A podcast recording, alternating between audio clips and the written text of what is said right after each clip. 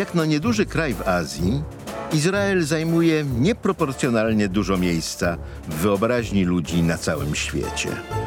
Może po prostu na ziemi zbyt obiecanej nie może być nudno. Gdyby można było eksportować historię lub teraźniejszość, to Izrael, jedyny kawałek Bliskiego Wschodu bez ropy naftowej, byłby drugim Kuwejtem. Ja się nazywam Konstanty Gebert i to jest podcast Ziemia zbyt obiecana. Mało jest ciekawszych miejsc na ziemi. WKHZ, jak to się mówi po hebrajsku. Tak to jest.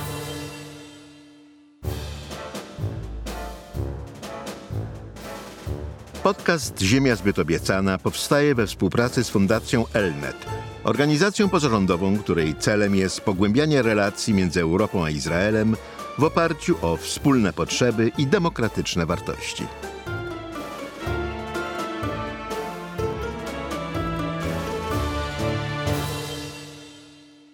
Dzień dobry Państwu. E, Dzisiaj gościem moim tego podcastu i waszym jest pan Jacek Tacik, dziennikarz od ładnych paru lat, dziennikarz TVN-u, który od dawna śledzi relacje polsko-izraelskie.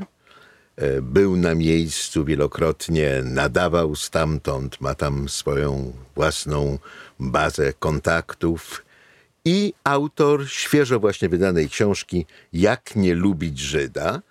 E, Muszę zacząć od pytania e, tyczącego się tytułu. Znaczy, czy to jest nawiązanie do tego znanego powiedzenia, że antysemityzm to jest nielubienie Żydów bardziej niż jest to konieczne? Ten tytuł można rozumieć dwojako. Z jednej strony jest to w cudzysłowie instrukcja obsługi. Jak można nie lubić Żyda? Jak władza w Polsce nie lubi Żyda? I jak władza w Polsce daje przyzwolenie na to, żeby nasze społeczeństwo, żeby Polacy nie lubili Żyda. Ale jest to też pytanie retoryczne, moje osobiste. Czy Żyda da się nie lubić? Bez trudu. Ja osobiście mam dosyć pozytywne przykłady, pozytywne doświadczenia e, w związku moi, z moimi relacjami, z moimi przyjaciółmi w Tel Awiwie, w Jerozolimie. I ciężko mi uwierzyć, żeby z jakiegoś powodu ogólnego można nie lubić społeczeństwa żydowskiego. A, to jest inna historia. Tak jak można nie lubić konkretnego Polaka, tak jak można nie lubić konkretnego Żyda, pełna zgoda. Amerykanina, Niemca, Francuza. Ale koło społeczności wydaje mi się, że nie. Więc w tym tytule zawarłem dwa przesłania, dwie informacje. Tak, no teraz to jest to bardziej zrozumiałe. Owszem, no, no są tacy Żydzi, których nie lubię, tacy Polacy, których nie lubię. Natomiast bardzo mi trudno sobie wyobrazić, że można nie lubić kogoś za to, że jest Żydem albo Polakiem, albo za to, że nie jest Żydem albo Polakiem, prawda? Ta książka jest książką polityczną. Są tam nawiązania historyczne, socjologiczne. Jest to także reportaż dziennikarski. Znaczy, ja pokazuję też to, co się dzieje po wyłączeniu kamery. Czyli po tym, kiedy, kiedy ja się rozłączam. Mhm. to kiedy najciekawsze. nic mi- kie- kie- czyli kuchnia. No. Kuchnia dziennikarska, y, kuchnia y, polityczna. Ale głównie jest to książka polityczna. Próbuję zrozumieć, dlaczego rząd Prawa i Sprawiedliwości, mówiąc wprost, tak bardzo nie chce i nie lubi Żyda. Czy to są przekonania, czy to jest zwykła polityczna kalkulacja? A to musi być albo albo, nie może być i i. Z moich doświadczeń i rozmów, także z naszymi rządzącymi, wynika, że jest to pewnego rodzaju mieszanka. Mamy w rządzie takich, którzy wprost e, nie pałają sympatią, mówiąc bardzo ględnie, do, do Izraela i do Żydów. Mamy takich, którzy są im zupełnie obojętni, ale atak na Izrael, atak na Żydów bardzo się opłaca politycznie. Znaczy warto mieć wroga, a wroga mieć warto po to, żeby móc konsolidować e, swoich wyborców, swoją polityczną grupę. No dobrze, ale czy to nie jest paradoksalne, bo obie partie rządzące, Likud i PiS, to są mleczni bracia, tak? To są dwa wydania tej samej niedobrej książki. Mało tego, jak e, oni się spotkali e, obaj po wędrówce po pustyni, bo są to partie, które są dość nielubiane na arenie międzynarodowej, rządy, które są dość nielubiane i tracą popularność i nagle spotkali kogoś, kto jest taki sam jak ja. No przecież na początku padli sobie w objęcia. To co się stało? Edgard Keret mi powiedział, że Likud to jest izraelski PiS. No tak oczywiście. No. Ale to wróćmy do początku. 2018 rok. Prawo i Sprawiedliwość nowelizuje ustawę o IPN. I to jest ustawa, która w zamyśle rządzących miała zablokować pewną frazę, która zaczęła pojawiać się w mediach na całym świecie, także w ustach byłego prezydenta Stanów Zjednoczonych o polskich obozach zagłady. Taki był pomysł. Miano karać do trzech lat więzienia za łączenie Polaków i Polski z Holokaustem. Tylko ta ustawa była uszyta na miarę naszych wewnętrznych sporów i na miarę naszego wewnętrznego podwórka. Tylko i, i wyłącznie. I dodajmy, że wbrew oficjalnym wyjaśnieniom wcale nie chodziło o karanie za słowa polskie obozy zagłady, bo kiedy podczas debaty e, Marcin Święcicki chyba zaproponował, no to napiszmy wprost, że użycie zwrotu polskie obozy zagłady w kontekście II wojny światowej jest karane więzieniem, wtedy będzie jasne, co ścigamy. I PiS to odrzucił. Tylko to teraz wejdę w buty rzecznika PiSu, mhm. który tłumaczył w ten sposób, że gdybyśmy zawęzili to do takiego sformułowania, to ktoś mógłby obejść to, mówiąc polskie obozy koncentracyjne albo polskie obozy. To było tłumaczenie Prawa i Sprawiedliwości. Tak, to można enumeratywną listę sformułowań zakazanych. No, mówiąc prost, i to pamiętamy, to miał być bat na konkretną osobę, na profesora Grossa i innych, którzy badają Holokaust, którzy no, grzebią w papierach i pokazują nieprzyjemne dla nas karty historii, ale prawdziwe. Te, z którymi powinniśmy się zmierzyć, wyciągnąć z nich wnioski, żeby one się nie powtórzyły. Tu się z panem nie zgodzę, bo ja nie sądzę, że tutaj chodziło o Janka Grossa czy o Basię Engel King. Yy, taka była ogólna atmosfera wtedy. A przecież proszę zwrócić uwagę, że to się nie przełożyło, nawet wtedy, kiedy można było, na żadne kroki karne przeciwko nim.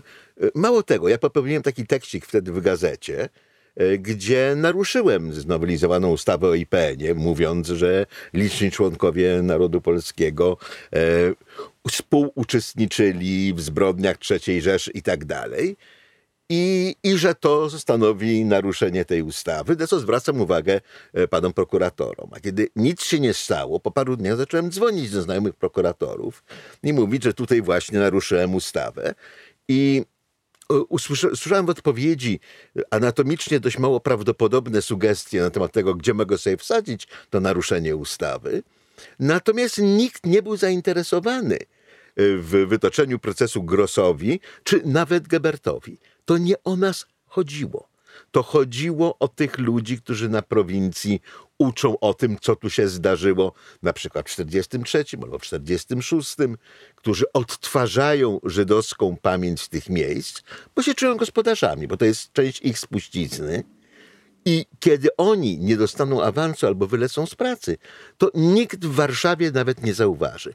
Chodziło o efekt mrożący i to zadziałało. Też mi się tak na początku wydawało. Wydawało mi się, że Gross, profesor Grabowski, profesor Engelking są za mali w kontekście całej ustawy i w kontekście jej międzynarodowego wymiaru. Za duzi, nie za mali. No wtedy wydawało mi się, że są w tym sensie za mali, że PiS nie koncentrowałby się tylko na poszczególnych mhm. postaciach, a myślałby szerzej. Tylko gdy rozmawiałem z profesorem Grossem, i gdy mi opowiadał o jego przygodach prokuratorsko-sądowych, to ja zrozumiałem, że to jest sposób nękania.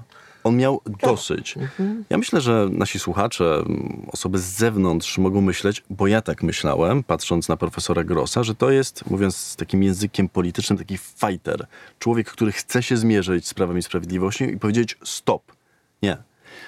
Wręcz przeciwnie. On nie rozumie tej sytuacji. On on uczył się przez lata po to, żeby badać przeszłość. I to jest jego działka i to jest jego miejsce. On był zaskoczony całą sytuacją. Myślę, że powiem nawet przerażony. Dlatego dzisiaj lekko się wycofuje.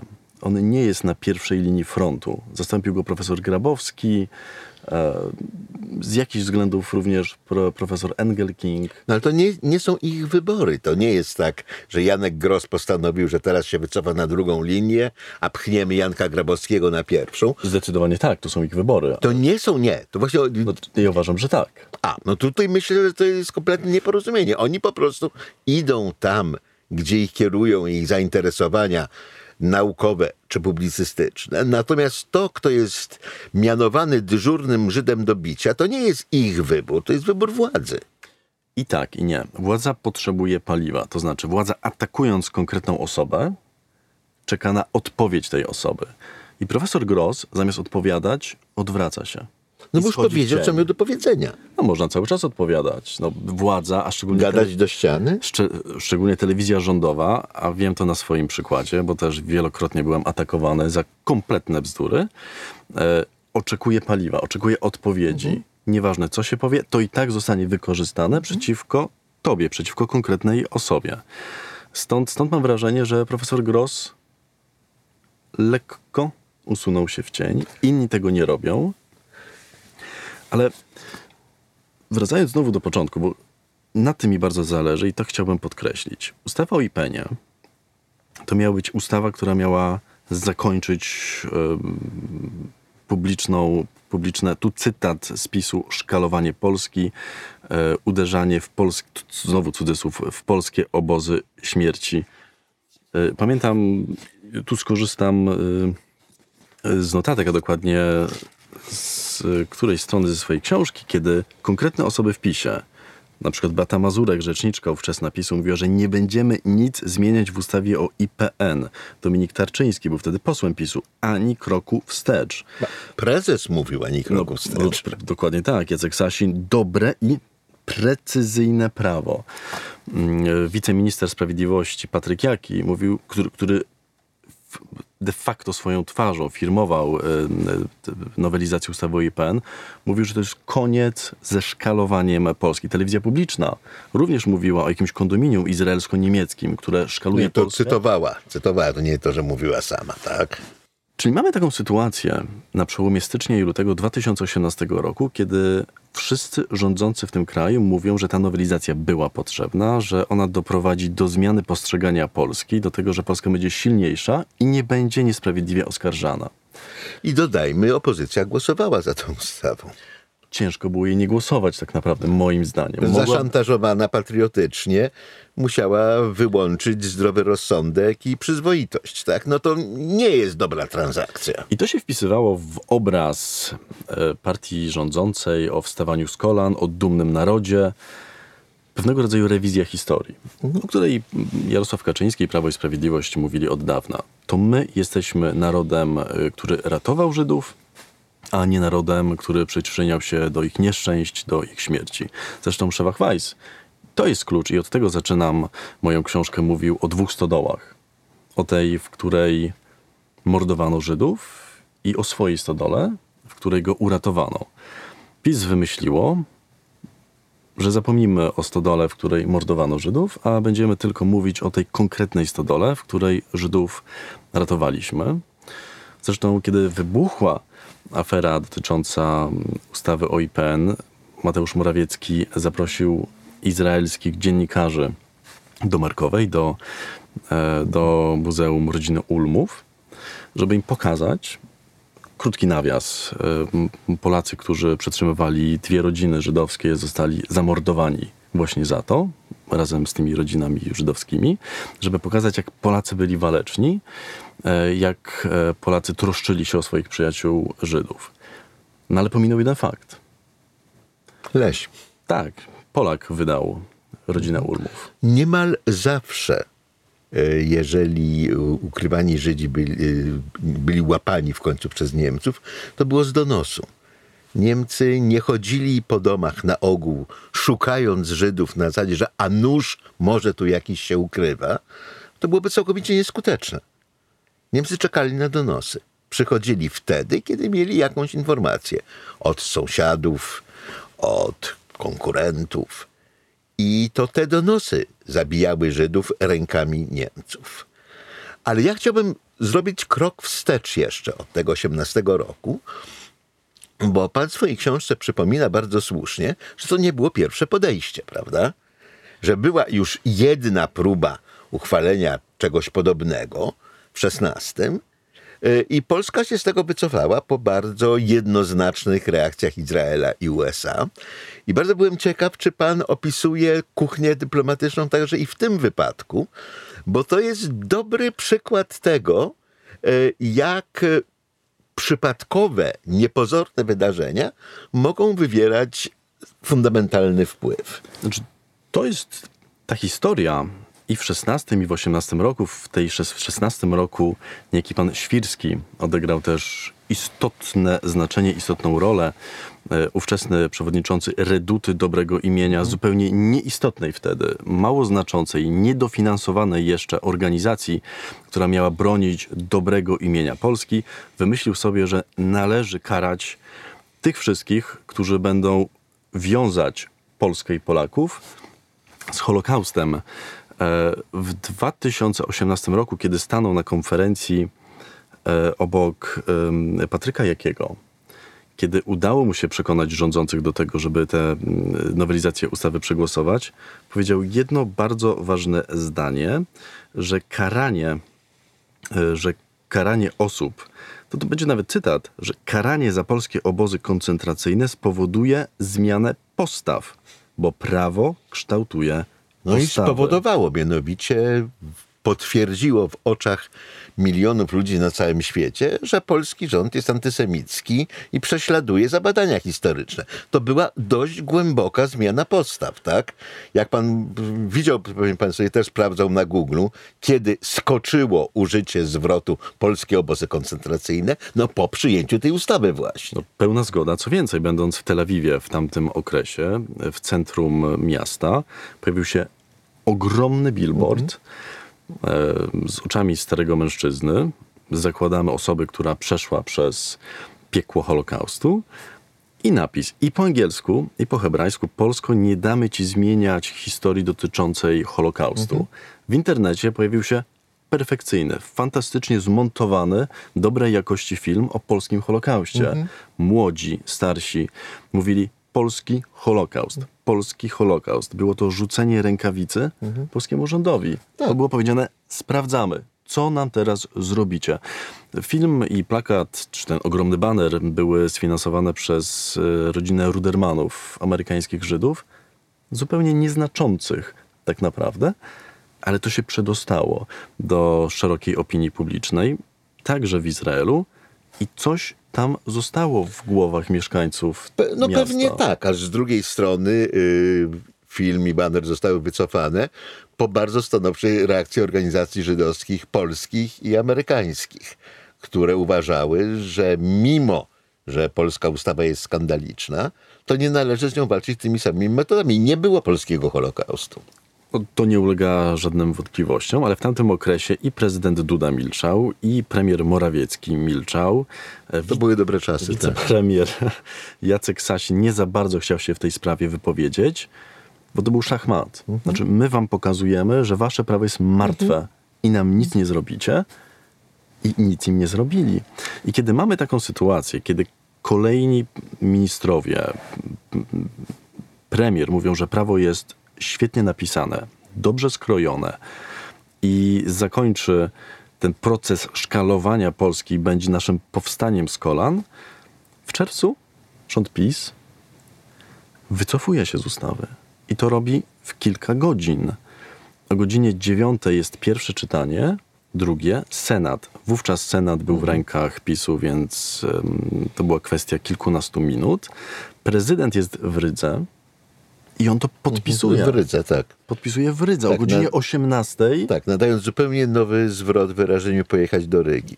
Dokładnie tak. I ta ustawa zostaje wycofana. I co na to mówi premier? Ten sam premier, który mówił, że ustawa jest Dokładnie, zostaje usunięty ten artykuł o penalizacji.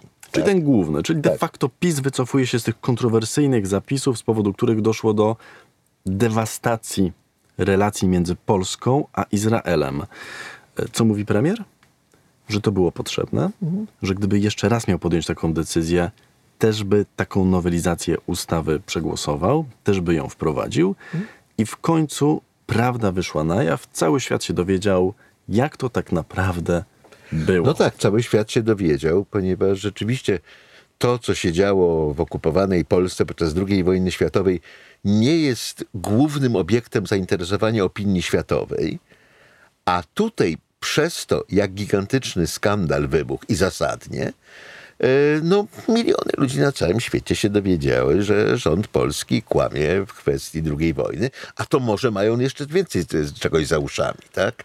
Ja chciałbym jednak wrócić na moment do tego, co się wydarzyło przed uchwaleniem tej nowelizacji ustawy o IPN, a raczej co się nie wydarzyło. Pan bardzo trafnie opisuje, jak to się stało, że ta pierwsza inicjatywa w 16 roku została wycofana z grubsza, dlatego, że protest Izraela i Stanów Zjednoczonych był tak silny, że PiS uznał, że nie ma sensu e, narażać na szwank ważnych relacji i się z tego rozsądnie wycofali. Po czym ustawa wraca dwa lata później Y, I przypadek. Polska akurat nie ma ambasadora w Tel Awiwie. Y, z powodów absolutnie technicznych. No, stary ambasador został wycofany, no czy nie przyjechał. Takie sytuacje często na placówkach zdarzają. Jest chargé d'affaires. Y, no i MSZ rutynowo pyta, jakich reakcji można się spodziewać w wypadku przyjęcia tej ustawy, bo znowu pojawi się ten pomysł. Charles d'Affaires odpisuje zgodnie z prawdą i ze zdrowym rozsądkiem, że dokładnie takich samych jak dwa lata wcześniej, że to jest zły pomysł, nie należy tego robić. To do tej pory wszystko jest wiadome. To, co jest interesujące, to jest, że właściwie nie wiadomo, co się stało z tym, tą depeszą Charles d'Affaires z Tel Awiwu. Czy ją minister spraw zagranicznych czytał? Czy minister spraw zagranicznych czyta depeszę od Charles d'Affaires? Czy ktoś w ogóle zwrócił uwagę, że nic się nie zmieniło w stanowisku Izraela? Wygląda na to, że nie. I ten brak informacji, że stanowisko Izraela pozostało niezmienione, odebrano w Polsce jako ciche przyzwolenie, że tym razem to już Żydzi odpuszczą, tak? Ja bym powiedział o wielkiej niekompetencji, o PiS mówi o Polsce w ruinie, powiedziałbym o MSZ w ruinie, bo to nie tylko mówimy o tej konkretnej notatce, ale także Amerykanie bardzo się włączyli w te rozmowy zakulisowe. Konkretna notatka trafiła do MSZ-u mhm. i z MSZ-u do poszczególnych ministerstw. Mhm. Ale z jakichś powodów, i to Prawo i Sprawiedliwość tylko wie, do tych innych ministerstw trafiła już po uchwaleniu tak. ustawy o IPN. Mhm. E, Jarosław Kaczyński, premier Morawiecki nie mogli się wtedy cofnąć. No tak, tyle tylko, że to dowodzi, że MSZ nie wykonało swojej podstawowej roboty, jaką jest informowanie, informowanie o stanowisku obcych rządów w sprawach dla Polski ważnych. Kropka, tak? No i to pociągnęło za sobą kolejne konsekwencje w relacjach Polska-Stany Zjednoczone. Ale nawet Polska-Kanada na litość boską. No. Zresztą to był taki okres, kiedy my nie mieliśmy dobrych relacji praktycznie z nikim poza Węgrami Orbana, ale to też tylko... I Turcją w... Erdoana. Proszę nie zapominać o Turcji Erdoana, ważny sojusznik. To prawda. Tutaj pełna zgoda. E, kiedy, kiedy, kiedy po spotkaniu w Izraelu, w Jerozolimie, takiej grupy roboczej polskiej i izraelskiej, która miała doprowadzić do jakiegoś konsensusu, zupełny teatr, uszyty dla dziennikarzy i opinii publicznej. Po tym spotkaniu Benjamin, Benjamin Netanyahu poleciał do Waszyngtonu, żeby spotkać się z prezydentem Trumpem. On go przyjął. Kolejne spotkanie. Nie musieli i nie rozmawiali o ustawie IPN. To była rzecz bardzo mała z mhm. perspektywy i Stanów Zjednoczonych i Izraela. Kilka miesięcy później do Stanów Zjednoczonych poleciał prezydent Andrzej Duda, który jeszcze w tamtym okresie był przyjmowany nie był właśnie w Białym Domu. A tak, tak, ma, ma rację. I, e, I gdy prezydent Trump przyjmował prezydenta Uzbekistanu, mhm. prezydent Polski zwiedzał kolejne muzea, spotykał się z kolejnymi burmistrzami różnych miast. I gdy jego rzecznik, e, pan Łapiński, był pytany, dlaczego nie Waszyngton i dlaczego nie spotkanie z prezydentem Trumpem, mówił, że no, skomplikowałoby to harmonogram wyjazdu prezydenta, no bo Nowy Jork jest dość daleko od Waszyngtonu i prezydent Polski no, ma inne cele i inne priorytety podczas tej wizyty. Prawda była taka, i ta notatka z ambasady amerykańskiej trafiła do Polski, mieliśmy politycznego bana na przyjmowanie i prezydenta, i premiera w Białym Domu. No tak, no tak jak teraz pana Ma- Netanyahu, dopóki się nie wycofa z tej nowelizacji ustaw o sądownictwie, tak? I to też pokazywało, kto tę wojnę dyplomatyczną przegrał, przegrywał, a kto wygrywał i kto wygrał, koniec końców. Ja właśnie z tym bym się nie zgodził. Pan tak dość jednoznacznie stwierdza w tej książce, co się skończyło tylko źle dla Polski. E, dla Polski się skończyło bardzo źle. Natomiast dla PiSu wcale niekoniecznie, ponieważ ceną za wycofanie tego artykułu o penalizacji była słynna deklaracja dwóch oszustów, e, Netanyahu i Morawieckiego, e, którzy orzekli, co się w Polsce wydarzyło podczas II wojny światowej. To jest bardzo kuriozalna deklaracja, ponieważ no, premierzy rządów na ogół orzekają o tym, jak będą wyglądały ich wzajemne stosunki, e, albo gdzie można zmienić coś na lepsze w e, współpracy gospodarczej. Premierzy rzadko orzekają o przeszłości, prawda? Patrząc na to z perspektywy Jerozolimy i Tel Awiwu, gdzie byłem, widziałem Benjamina Netanyahu, który ma na głowie sprawy karne, który ma dużo większe problemy niż utarczki z Polską, plus ma jeszcze skrajnych polityków, Naftali Bennett, Jair Lapid, którzy wprost na Twitterze, ale nie tylko, oskarżali Polskę o polski Holokaust, o mordowanie Żydów, że jemu zależało na wyciszeniu tej sytuacji. I być może, gdy we wspólnej deklaracji mówił o antypolonizmie, nowe Myślę o swoich rywalach politycznych. chciał wyciszyć ten konflikt i myślę, że on tak do tej sytuacji podszedł. To, co zrobił Morawiecki, co zrobił polski rząd, który wykupił w międzynarodowej prasie od Izraela po Francję i Stany Zjednoczone reklamę z tekstem tej deklaracji, no musiało rozwścieczyć em, Benjamina Netanyahu. Zresztą dał temu odpór rok później podczas tak zwanej antyirańskiej Tak. konferencji, która została zorganizowana w Warszawie. Do dzisiaj wiele osób się zastanawia, dlaczego tutaj. E, I w kuluarach tejże konferencji, rozmawiając z izraelskimi dziennikarzami, miał znowu powtórzyć mm, słowa dotyczące Polski i Nie, tutaj to, to akurat zostało e, całkowicie zniekształcone w i przekazie. tak i nie. Nie, nie, nie, bo chodzi o to, co konkretnie powiedział Netanyahu. Bo ktoś tam go z, w- zapytał znowu, no i co z tą polską ustawą o Holokauście? A on powiedział, e, że Polanim zabijali Żydów, proszę, mówię to i nikt za to nie został skazany. Otóż po hebrajsku, podobnie jak po angielsku, można powiedzieć zdanie, gdzie podmiot tyczy się całej grupy, prawda? bądź też członków grupy. Gdyby Netanyahu chciał oskarżyć naród polski, czyli wszystkich Polaków, o to, że zabijali Żydów, powiedziałby ha Polanim. On powiedział Polanim, czyli że byli tacy Polacy, którzy zabijali Żydów, i ta jego wypowiedź miała udowodnić nie, że Izrael głosi, że Polacy byli odpowiedzialni za zagładę, tylko że pokazać, że ten kretyński artykuł ustawy już nie działa i odczepcie się. Tylko pytane o to, czy dopytywane o to przez izraelskiego dziennikarza już w samolocie, startując z Warszawy, Netanyahu jakby zignorował to pytanie. To, co powiedziałem, to powiedziałem. Tak, powiedziałem, Polanim zabijali Żydów, czyli byli tacy Polacy, którzy zabijali Żydów. Odczepcie się. Wydaje mi się jednak, że Netanyahu jest tak doświadczonym nie tylko politykiem, ale dyplomatą przede wszystkim, że gdyby chciał naprawdę sprecyzować swoją wypowiedź, to by ją Ale- sprecyzował. Ale on już nie musiał precyzować. To naprawdę jest kwestia tego, jak funkcjonuje gramatyka hebrajska, a jak to funkcjonuje w tłumaczeniu. Yy, Nie, ja naprawdę myślę, że Netanyahu po prostu był zirytowany, że się wraca do sprawy zamkniętej i oczywistej. Nie ma karania za to, że ludzie mówią, że byli Polacy, którzy mordowali Żydów. Kropka. Tylko te teksty, czy ta jego wypowiedź była tłumaczona z języka angielskiego. Nie, bo on po, do- po hebrajsku już powiedział. Tak, tak, to, to tak, ale Jerusalem Post jest w języku Tak, i bo- angielskim, i tak, i- jest w języku tak. angielskim. I, I wszędzie tam było sformułowanie Poles killed Jews, a nie the Poles. Ta sama różnica.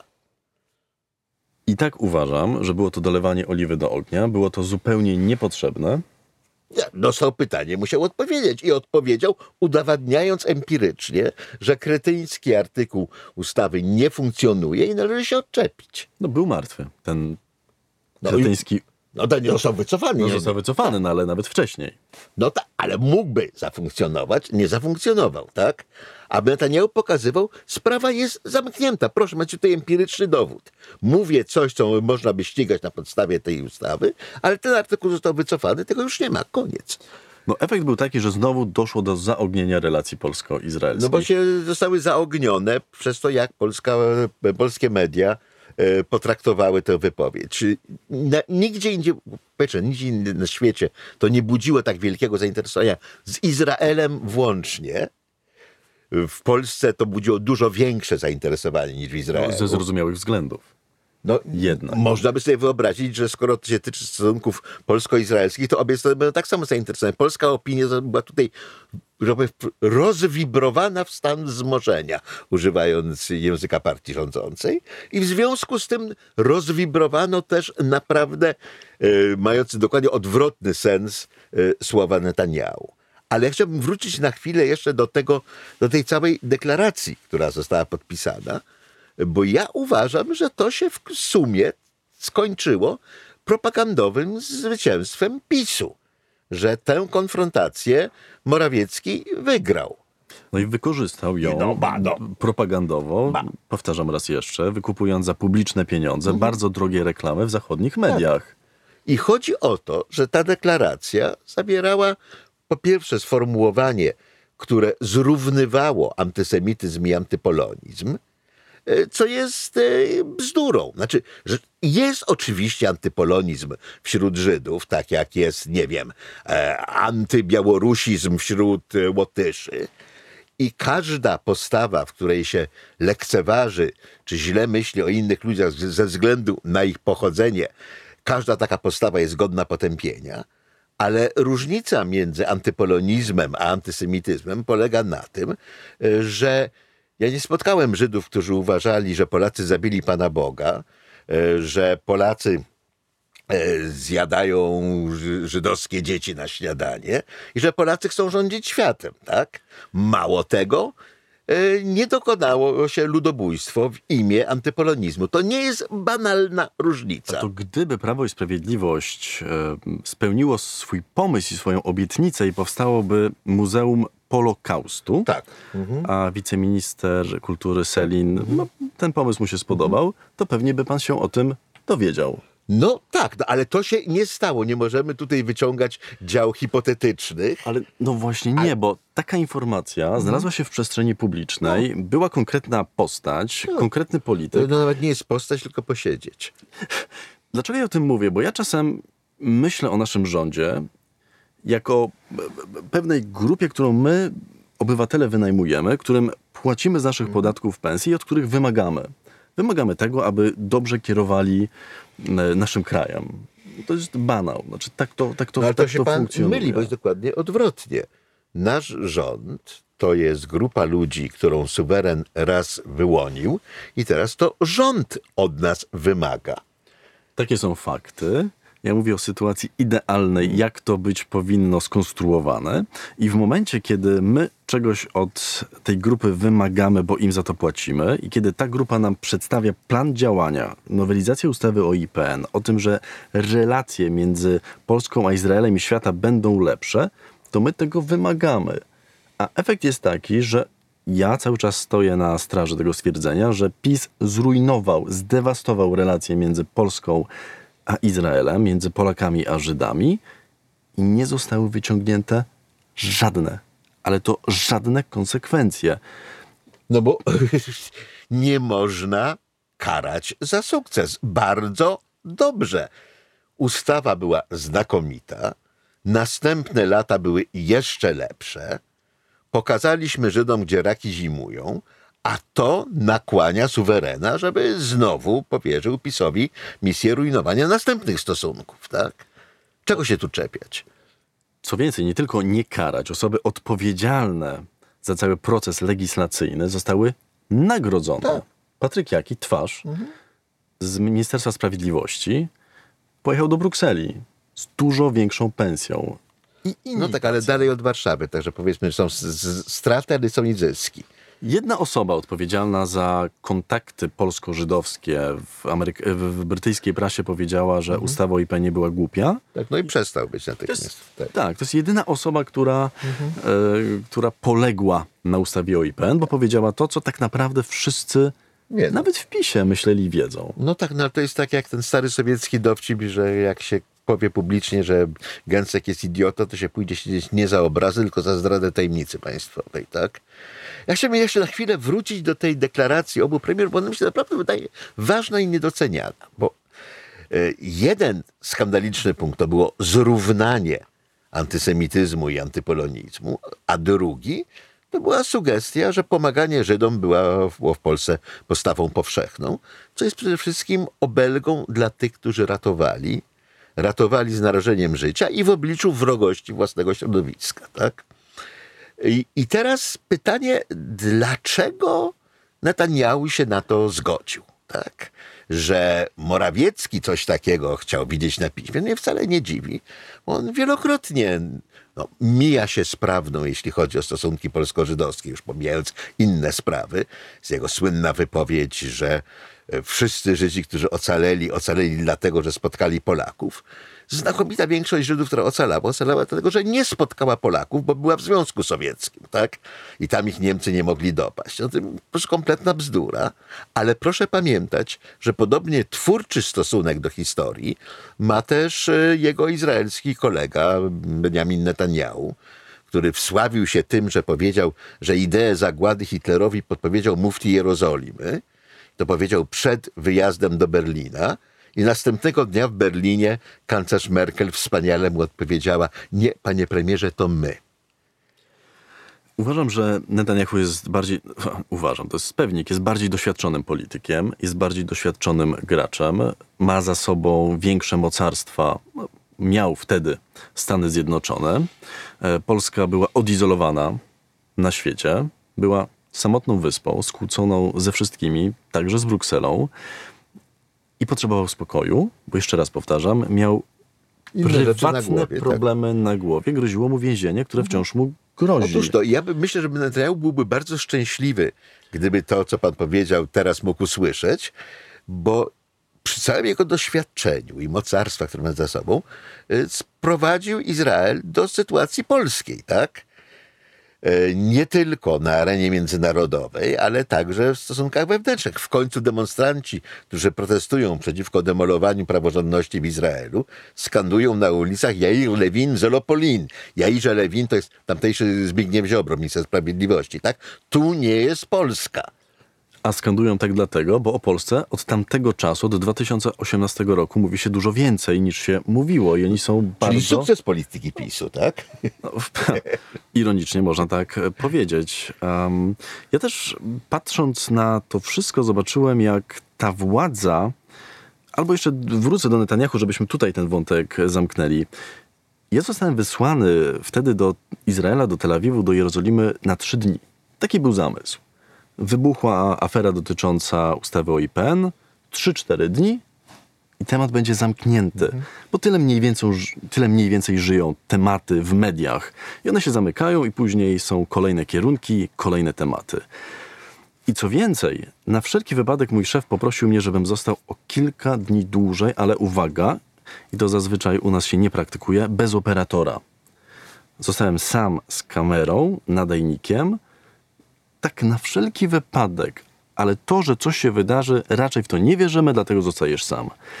I był wieczór pewnego dnia, ja byłem lekko podchorowany i nagle mój telefon zaczął wibrować i okazało się, że nasz premier w Monachium powiedział słynne słowa o Jewish perpetrators, czyli o żydowskich sprawcach i to była nowa odsłona jeszcze mocniejsza konfliktu polsko-żydowskiego, polsko-izraelskiego, na której niezłą karierę zrobił Ronen Bergman, e, który na plenum wstał i powiedział o swojej historii, o tym, że, e, że jego matka pochodziła z Polski, o nieszczęściach, które ją tam spotkały. I to był kolejny, kolejny, kolejna odsłona. Efekt był taki, że w Izraelu spędziłem wtedy bez przerwy około 30 dni, relacjonując kolejne, kolejne odsłony. Prezydent Izraela musiał powiedzieć, że to jest zupełne dno, nowe dno. I dla Netanyahu to była znowu bardzo zła informacja.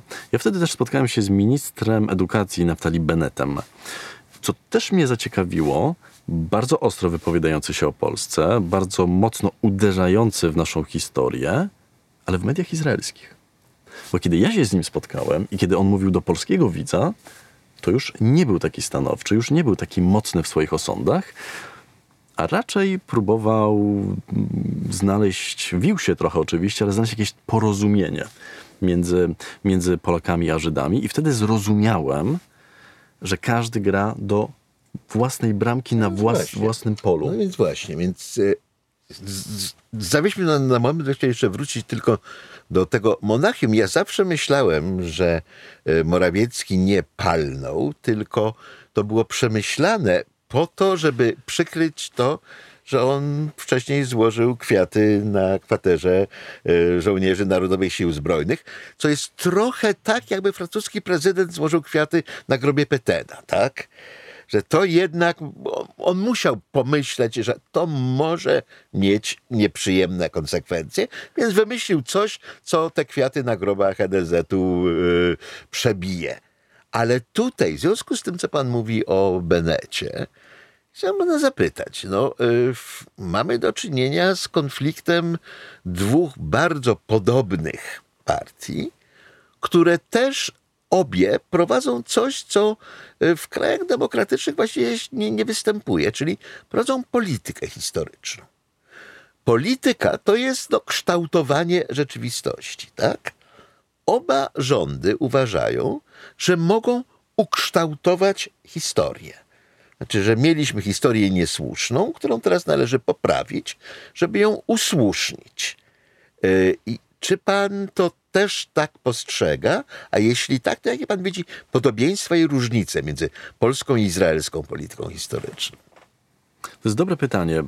Na pewno historia dla Żydów Izraela przynajmniej była jeśli wciąż nie jest dużo ważniejsza. Zresztą pan, panie redaktorze, o tym wielokrotnie mówił i pisał w swojej książce, jak bardzo Holokaust i pamięć o Holokauście jednoczy, zespala Żydów. Nawet tych, którzy z Holokaustem nie mogli i nie mieli nic wspólnego. Ich przodkowie nie mieli, bo nie byli z Europy. To Tom Segev, izraelski historyk, e, mówił w jednej z polskich gazet w Tygodniku Powszechnym, że 8 na 10 licealistów w Izraelu uważa, że ma coś wspólnego z Holokaustem. Po, po Eichmanie, kiedy, kiedy, kiedy odbył się jego proces, to jeszcze bardziej zespoliło naród Izraelczyków, Żydów. I dla nich to jest być albo nie być przeszłość. Dla nas natomiast to zaczyna być albo nie być od momentu, kiedy do władzy dochodzi Prawo i Sprawiedliwość. Dla nas. To też za dużo powiedziane. Dla wyborców PiSu, tak bym powiedział. Bo uważam, że duża część naszego społeczeństwa nie uważa, że my mamy jakiś problem, nie uważa, że my jesteśmy narodem szkalowanym. Zrobię taki malutki nawias. Jestem z Wrocławia i dawno, dawno temu Jarosław Kaczyński przyjechał do mojego miasta i obiecywał, że w moim mieście powstanie E, Muzeum Ziem Odzyskanych i że Wrocław był zawsze polskim miastem. My nie mamy z tym problemu, że to było miasto niemieckie. Co więcej, kultywujemy tradycję z tamtego okresu. Ale to jest to postrzeganie świata tej partii. Polska, naród wybrany, Polska, która ma tylko piękne karty, to tu też warto byłoby zahaczyć o byłego, wtedy jeszcze E, niedoszłego szefa IPN-u, pana Szarka, który na komisji w Sejmie musiał podważyć ustalenia Instytutu Pamięci Narodowej o Jedwabnem, czyli podważał ustalenia historyków, którymi miał szefować. I tak. dostał robotę. I warto może do tego jeszcze dodać, że to nie jest coś nowego, że ta polityka historyczna PiSu jest polityką historyczną PRL-u w nowym przebraniu. e, począwszy od ziem odzyskanych i Wrocławia odwiecznie polskiego, e, poprzez tępienie Żyda jako szkodnika i budowanie wokół tego e, czegoś, pod czym PiS by się pewnie dzisiaj podpisał, czyli jedności moralno-politycznej narodu polskiego. Tak? Ta, ta ciągłość myślenia, którą można jeszcze przesunąć wstecz dalej do II Rzeczpospolitej, do, do endeckiego myślenia o Polsce, rzeczywiście w części polskiej opinii publicznej nadal bardzo mocno funkcjonuje. Acz bardzo się cieszę, że pan też podkreśla to, że to nie jest cała polska opinia publiczna, bo czasem zapominamy, że PiS to jest bardzo znacząca mniejszość, największa mniejszość, ale wszelako mniejszość, że są Polacy niepisowi. I tutaj ma pan rację, że pamięć o zagładzie jest dla Izraelczyków ważniejsza niż jakakolwiek pamięć historyczna polska, ponieważ to stanowi o być czy nie być, ale mnie ciekawi, czy pan widzi różnice i podobieństwa w tym, jak pamięć o historii II wojny jest przez oba rządy no, twórczo wykorzystywana. Tu nawet specjaliści, socjologowie mówili o takim wyścigu kto bardziej ucierpiał? Polacy czy Żydzi? I z ostatnich badań wynikało, że Polacy uważają, że cierpieli mniej więcej tak samo jak Żydzi. No, prawie 20% uważa, że cierpieli bardziej. Nawet bardziej. Tak. To też pokazuje, jak działa, no, nie bójmy się tego powiedzieć, no, propaganda partii rządzącej, e, jak bardzo zmienia e, postrzeganie e, przeszłości a tylko i wyłącznie do własnych celów politycznych. Ale to wyrasta, myślę, na takim obiektywnym substracie straszliwej polskiej frustracji, że no nie cierpieliśmy najbardziej, tak? I kiedyś e, burmistrz Nagasaki bardzo przytomnie powiedział, że jest tylko jedna rzecz gorsza od bycia miastem, na które zrzucono pierwszą bombę atomową, to jest być drugim miastem. Wszyscy pamiętają o Hiroshimie. No i było też Naga coś tam, tak? Mimo, że zagłada Nagasaki była równie przeraźliwa jak zagłada Hiroshimy. I Polacy znajdują się w sytuacji takiego naga coś tam. No owszem, też cierpieli, ale myśmy to już przerabiali na Hiroshimie dość. No to jest jakby jedna kwestia, ta kwestia polityczna, i, ale jest jeszcze inna rzecz, bo ktoś na spotkaniach mi powiedział, dlaczego my mamy lubić Żyda. Może nie, nie ma żadnego powodu. Nie ma, a może, a może, nie, a może nie musimy. nawet obowiązku. Mhm. I może PiS nie zrobił niczego złego. Nie, jest różnica między brakiem obowiązku lubienia Żyda, a obowiązkiem jego nielubienia. Ale efekt jest trochę taki.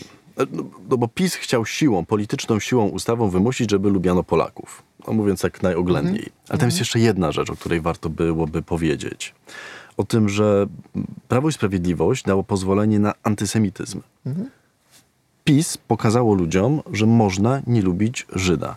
Ja dostałem z ambasady Izraela kilka segregatorów, listów, które, które w tamtym okresie każdego dnia i to podpisanych imieniem, nazwiskiem często. Bardzo ładnie napisanych. Mhm. Dosłownie dwa krótkie zdania z korespondencji, która, która, która jest zawarta w książce.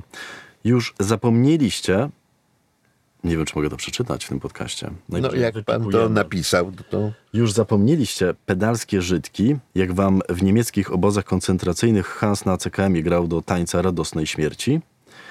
Żydows i dalej o żydowskim państwie nazistowskim. I tak cała wasza podła, zbrodnicza nacja będzie ostatecznie wymazana z mapy świata, bo tak rozkazał Pan i Bóg, Jezus Chrystus, którego wy zamordowaliście. W haniebny sposób zbezczyściliście dom naszego ojca, syn Boży, a nasz brat posprzątał go. No i ostatni. To wy, Żydzi, sami odnawiacie tak zwany antysemityzm, którego w Polsce nie ma.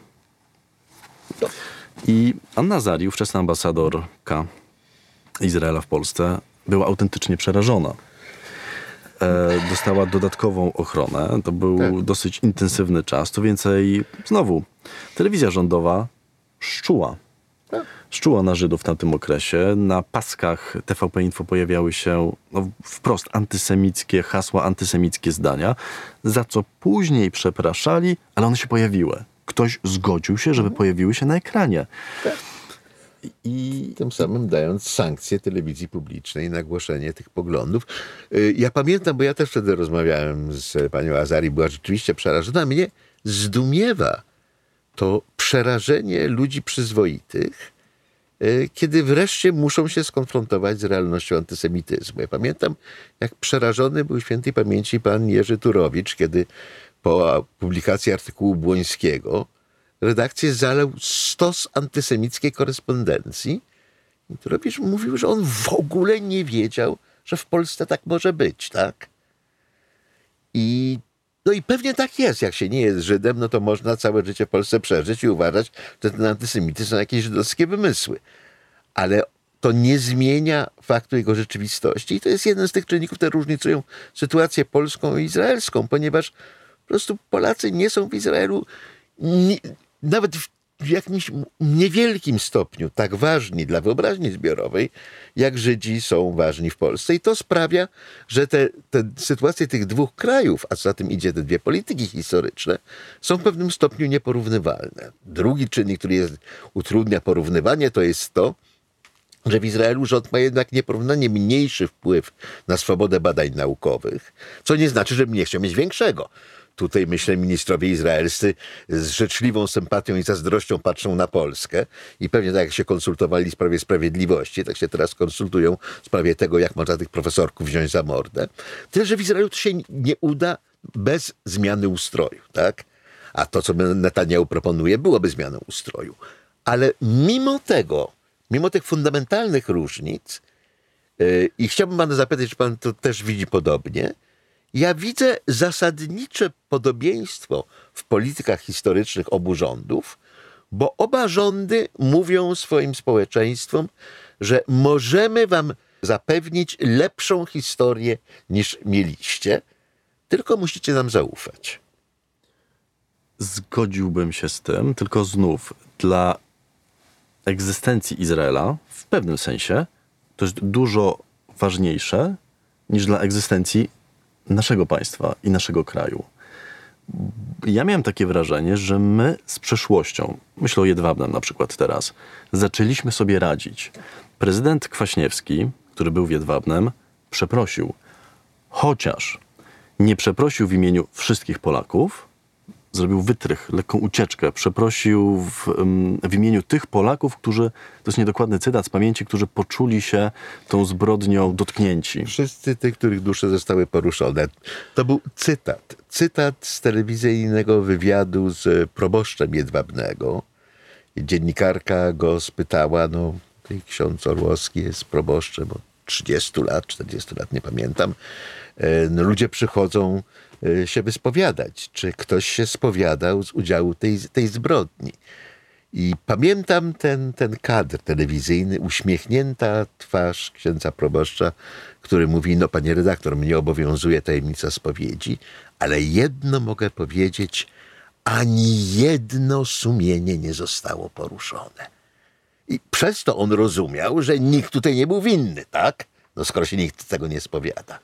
Ale to jest właśnie ten zwrot, którego potem Kwaśniewski użył. No ale 10 lat później w liście, bo prezydenta Komorowskiego nie było w Jedwabnem, mhm. to Mazowiecki odczytał jego list, de facto ta narracja została powtórzona. Tak. Znowu były przeprosiny, mhm.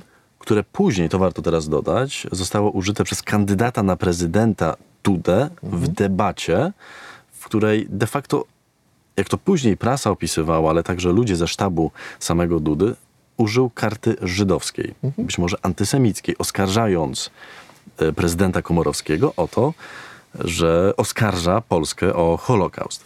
I ostatnie okrągł, ostatnia okrągła rocznica w Jedwabnem prezydenta Dudy nie było. Mhm.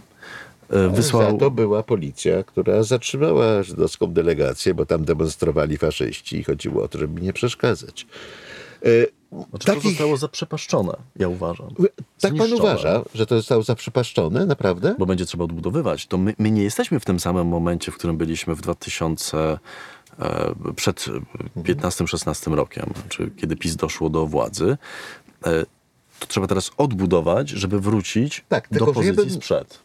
Bardzo mocno zaprotestował przeciwko temu zwrotowi zaprzepaszczone, bo to by znaczyło, że nic nie zostało. Otóż zostało wbrew pozorom strasznie dużo.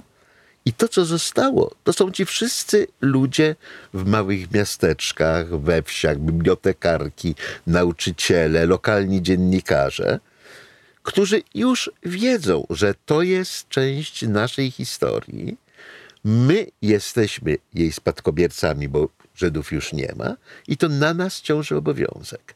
To są tacy ludzie jak Dariusz Opiela, który Dom Sącz, prawda, odbudował cmentarz żydowski, bo w ogóle nic nie wiedział, że tutaj jest jakaś żydowska historia. Jak się dowiedzieć, strasznie oburzył, że tego nie pielęgnujemy, bo przecież to jest też nasza historia. Ja mam wrażenie, że tu się zdarzyły dwie rzeczy. Że e, przy zmianie reżimu w 15 roku, jako jeden z celów nowa władza postawiła sobie zdemolowanie tego, co zostało w stosunkach polsko-żydowskich i polsko-izraelskich zbudowane i robi to konsekwentnie. Natomiast tak jak i w innych przedsięwzięciach, nie ma na to pełnego konsensusu społecznego. I ci niesamowici, wspaniali ludzie, którzy zajmują się pielęgnowaniem pamięci o Żydach nie dlatego, że liczą na, na co? Na list dziękczynny z ambasady Izraela? Dużo to im pomoże, tak? Nie też dlatego, że owładnięci szaleństwem zakochali się w Fidlerze na Rufie i w Gefilte Fish, tylko dlatego, że są gospodarzami. Że za to odpowiedzialni.